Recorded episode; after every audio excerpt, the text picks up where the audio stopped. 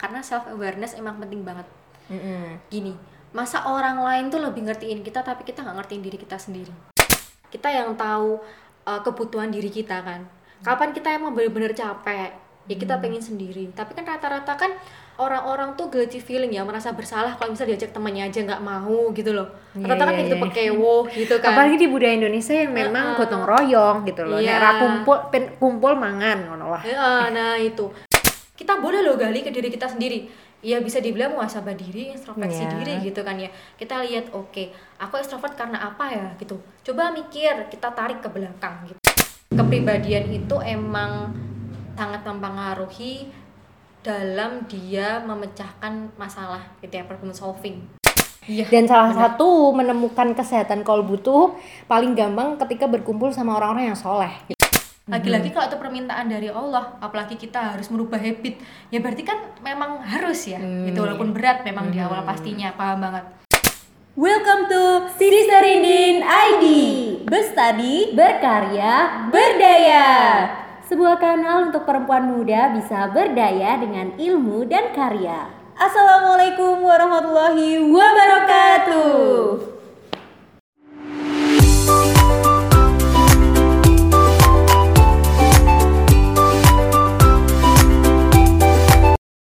Sisters, udah dengerin part 1 belum? Kalau belum, dengerin dulu ya. Di sana dibahas tentang salah kaprah extrovert lawan introvert. Sekarang selamat mendengarkan part 2. Oke, nah terus Mbak menuju ke pertanyaan selanjutnya. Emang kesadaran buat ngerti aku ini lebih condong ekstrovert, aku ini lebih condong introvert itu pentingkah?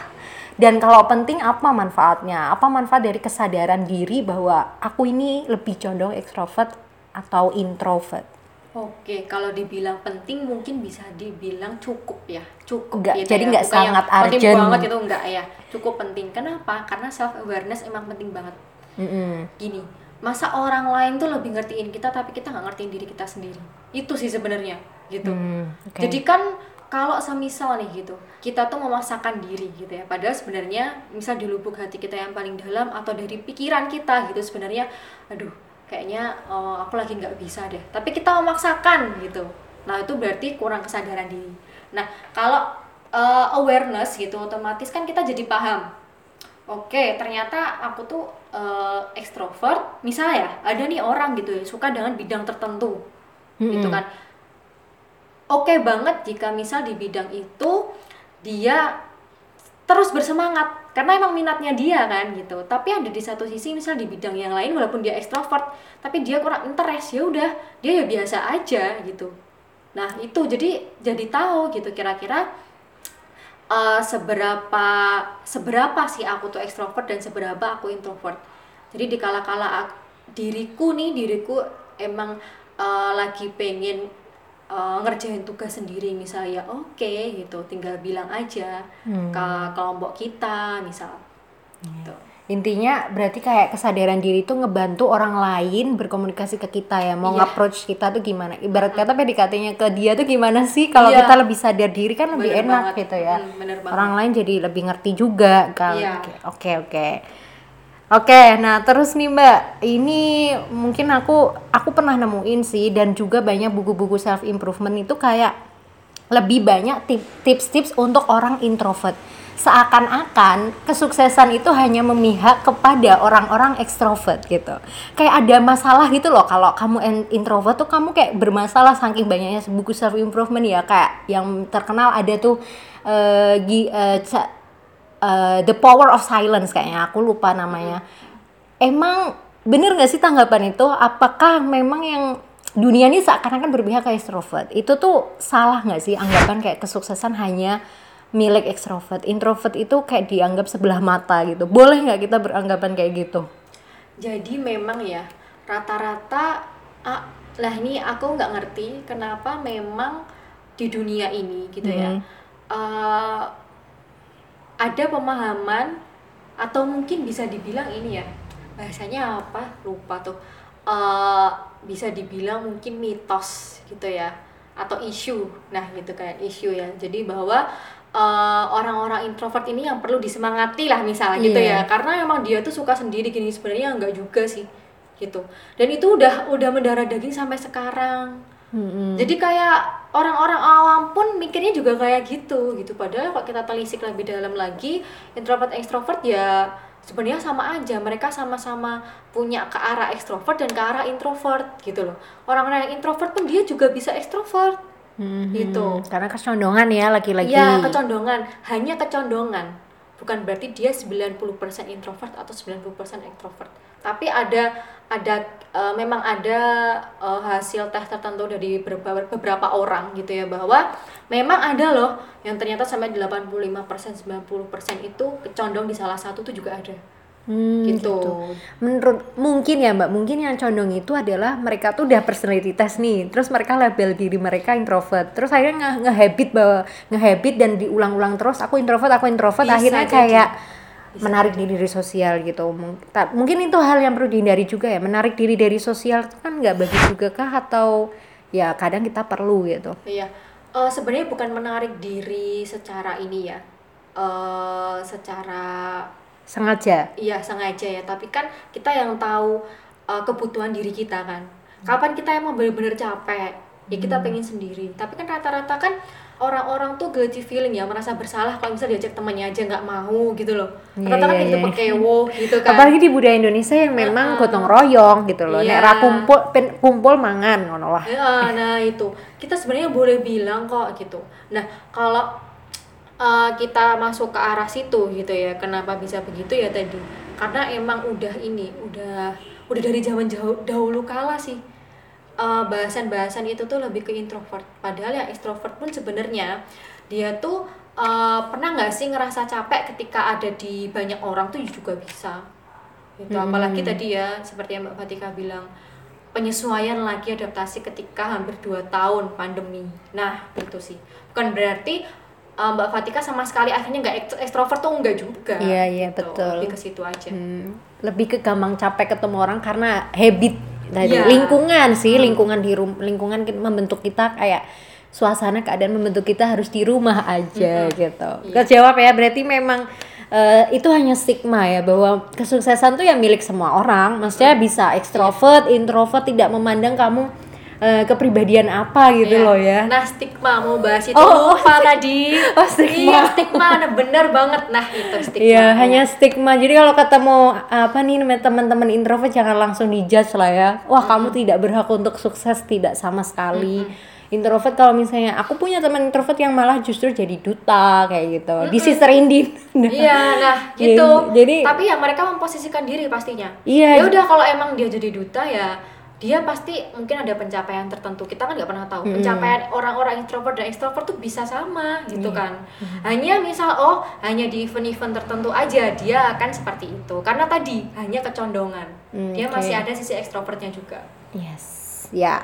Dan kita menuju ke pertanyaan terakhir ya Allah. Nah, gimana sih Mbak? Kan setelah tahu nih personality test ternyata aku lebih condong ke extrovert atau introvert ya. Eh, keduanya itu ada keduanya ada kelemahan dan kelebihannya lah ya. Namanya juga kepribadian. Nah, terus gimana cara mengoptimalkan diri sebagai muslim utamanya dengan kan karena ini ideologi barat ya ibarat katanya extrovert introvert ini kayak dibawa dari barat kalau muslim percaya dengan ini kayak personality testnya memang ini sebagai rujukan teorinya gimana cara mengoptimalkan diri sebagai muslim dengan kecondongan kita sebagai extrovert atau introvert itu Oke, jadi yang paling pertama otomatis pasti internal dulu, ya nggak sebelum eksternal ya kan. Oke. Kita di internal udah otomatis kita di sini kan nggak mungkin kalau nggak ada tujuannya. Ya Oke. tujuannya karena kita jadi hamba kan. gitu. iya betul Udah otomatis yang paling pertama itu adalah uh, kita mendekatkan diri sama sang pencipta kita ya pasti ya, sama Hmm. Allah gitu. Jadi uh, mau ini, mau orang ekstrovert, mau orang introvert, bukan berarti orang yang banyak ibadah dia introvert enggak. Iya. Apalagi yang suka sendiri ketika eh, apa ya ketika dalam tanda petik ngobrol sama Allah ya gitu kan. Oh mungkin kalau extrovert suka kajian kalau introvert suka Nah, ibadah sendiri enggak nggak gitu, juga, ya. Betul banget nah, eh, nah ini tuh kadang.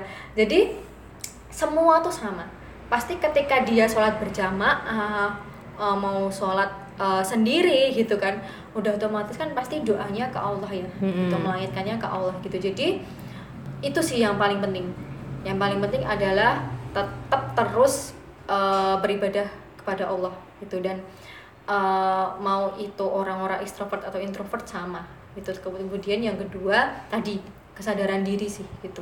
Jadi kesadaran diri di sini bukan berarti dijadikan patokan hanya acuan aja gitu bahwa kita tuh sebenarnya eh, ekstrovert itu karena kenapa sih? Kita boleh loh gali ke diri kita sendiri.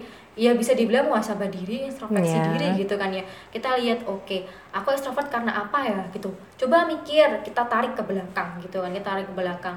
Oh aku zaman SD suka gini TK gini SMP gini. Kita kita bisa cerita ke diri kita sendiri dulu aku gimana sekarang gimana sih gitu kira-kira perubahan di diriku tuh seperti apa ya akhirnya membentuk kepribadian sekarang. Hmm. karena kalau kita uh, lihat dari klien-klien gitu ya yang uh, yang pernah gitu yang pernah ada bahwa kepribadian itu emang sangat mempengaruhi dalam dia memecahkan masalah gitu ya problem solving gitu dia tuh Hmm. orangnya seperti apa itu juga jadi kesadaran diri ini introvert atau extrovert ya dijadikan acuan aja. Kenapa sih aku bisa seperti ini? Misal kenapa sih aku bisa punya masalah seperti ini? Gitu. Kepribadianku gimana sih? Gitu. Jadi lebih ke situ terus kalau kita lihat secara eksternal udah otomatis lingkungan ya dan lingkungan tuh kan banyak banget ya dari yang paling pertama deh kita lahir ya lingkungan keluarga Mm-mm. habis itu lingkungan tetangga Mm-mm. lingkungan pertemanan lingkungan sekolah lingkungan kampus banyak banget Sekarang Lingkungan tambah organisasi. sekarang tambah sosial media juga. nah bener lah Gimana sosial media kamu itu mempengaruhi juga cara berpikir Iya, sih? Karena ya itu karena udah habit selama pandemi ini. Gitu. Dan betul. lingkungan tuh banyak banget kalau kita bahas lingkungan gitu. Dan apakah eh, kalau secara genetik misalnya kita tarik ke internal lagi gitu ya bisa jadi juga. Hmm. Jadi bisa jadi genetik itu juga bisa mempengaruhi atau dari kita meniru peran orang tua. Hmm. Oh, kan tingkah laku tuh juga pasti ya berhubungan dengan kepribadian juga kan. Iya, oh, iya, iya. dia tuh kalau misal ada masalah suka caranya kayak gini tuh. Karena kenapa? Oh, karena dia lihat dari bapaknya tuh kalau ada masalah dia kayak gitu, gitu. Hmm, Bisa. Oke. Ibunya ternyata kayak gitu, gitu. Itu juga bisa. Jadi eh, kalau dari eh, Islam otomatis gitu kan, kita harus gitu ya, diharuskan memang wajib gitu ya, wajib untuk memilih lingkungan yang baik gitu kan. Yang pasti lingkungan-lingkungan yang eh, membuat kita tuh ke arah yang lebih baik dari segi apa pun gitu. Bukan berarti eh, hanya di satu bidang itu enggak, tapi di semua bidang gitu kan. Dan kalau dari arah yang lebih baik lagi ini bukan berarti gini eh, emang banyak ya lingkungan itu yang membawa perubahan ke arah yang lebih baik misal contohnya eh, dari yang nggak nggak minum minuman keras Mhm. eh dari yang minum minuman keras jadi nggak minum minuman keras misal Hmm. Nah, bukan hanya sampai situ aja. Tapi dari segi kalau eh, ini kayaknya bahasanya tinggi, tapi memang bener adanya dari segi keimanan ya enggak. Oke. Enggak cuma ya udah eh, dari nggak miras, eh dari miras terus jadi nggak miras, udah gitu doang. Bukan hanya lingkungan ke arah lebih baik yang di situ aja gitu, Oke. tapi dari semuanya. semua Dari lini ya baik Iya. agam agama terus habis itu karena di yang aku tahu di sosial. Islam eh, yang aku tahu di Islam itu hati itu nyangkut gitu loh mbak ke badan pikiran Mm-mm. kalau hatinya bersih Kolbu. Hah, itu ya ini aku sa- kalau salah dibenerin ya. Kalau kalbunya iya. bersih itu kayak hati hatinya tindakannya tuh jadi enak. Iya, Dan salah satu menemukan kesehatan kolbu tuh paling gampang ketika berkumpul sama orang-orang yang soleh gitu Iya, kan. Bener. Iya nggak ya? Bener banget. Nah, habit itu ya lingkungan otomatis akan menciptakan habit gitu. Nah kalau dari uh, habit misal sesuatu tuh kadang perlu dipaksa Hmm, gitu oke. ya. Akhirnya memunculkan tadi introvert ekstrovert gitu. Nanti semakin uh, yakin deh teman-teman akan semakin gini. uh, bertambahnya umur bukan berarti dia bertambah dewasa ya enggak karena dewasa itu pilihan oke. bertambah umur itu pasti Iya. gitu kan nah tapi semakin teman-teman semakin dewasa pasti akan berpikiran bahwa oh ternyata introvert ekstrovert ya nggak jadi masalah. Hmm. aku cukup tahu dengan diriku kesadaran diri lah aku tuh orangnya seperti apa. Kapan ketika memang aku tuh harus eh, ini ya harus berani mengutarakan bahwa aku tuh lagi nggak pengen diajak ke mana-mana. Misalnya ya bilang juga oh ternyata aku emang lagi semangat nih. Ya oke oke aja kalau diajak ke mana-mana. Gitu. Jadi kalau misal eh, sesuatu hal itu kan dari segi agama ya biasanya. Hmm. Itu kan kadang kita dipaksa ya untuk ada di habit itu Iya. akan sampai akhirnya kepribadian kita, punya kita berjilbab gitu iya akhirnya jadi biasa Iya. gitu awalnya tuh berat banget gitu. Kita emang karena emang itu membentuk habit kita. Ya akhirnya berubah tadi. Kepribadian bisa berubah karakter bisa berubah yang sulit adalah watak. Gitu kan ya. Kita di sini eh, kalau eh, sebagai eh, muslim muslimah ya otomatis kan hablum minallah sama hablum minanas ya betul Nah, di Hablum Minanas ini kan eh, oke kita udah sadar sama diri kita. Kita kira-kira orangnya gimana. Tapi nggak cuma sampai situ. Kita harus mengerti memahami orang lain. Nah, ini. Oh, ternyata temanku yang namanya ini tuh eh, pernah cerita nih, dia lebih condong ke ekstrovert. Bukan berarti bukan berarti dia nggak introvert sama sekali gitu.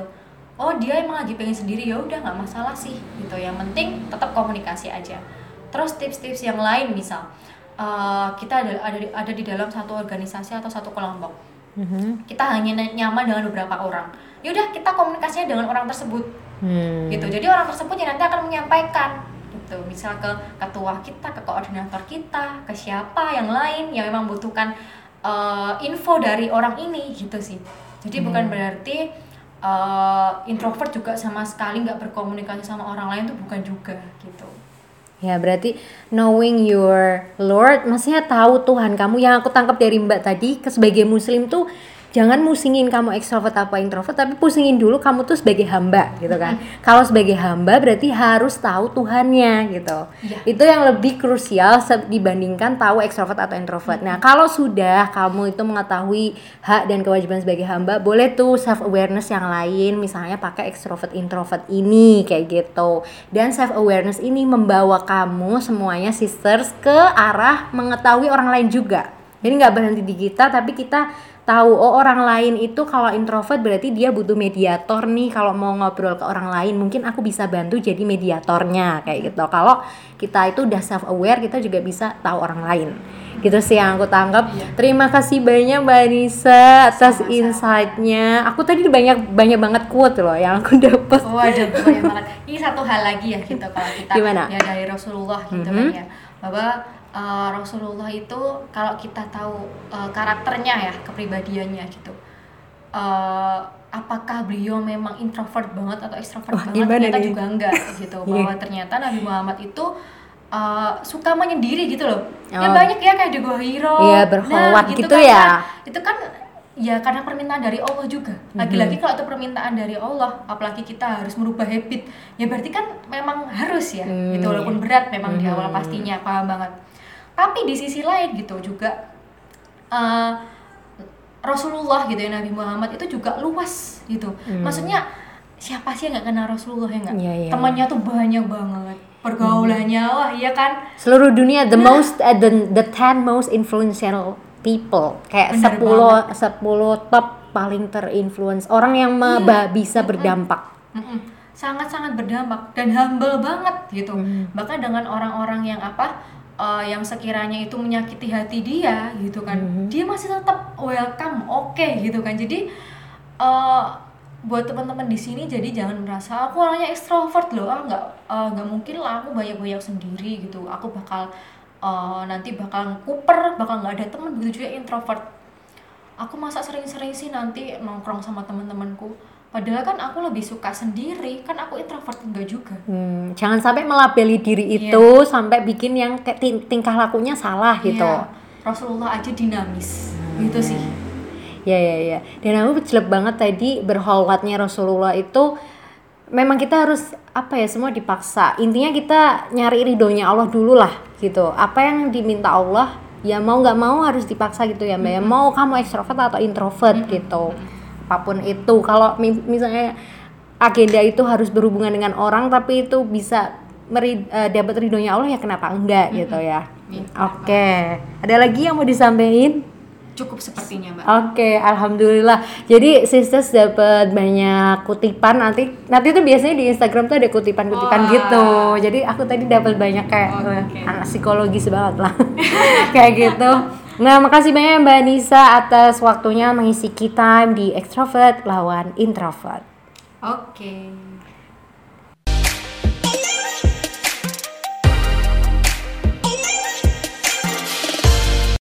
This is the end of Sister Indin ID. Salam lestari, berkarya, berdaya.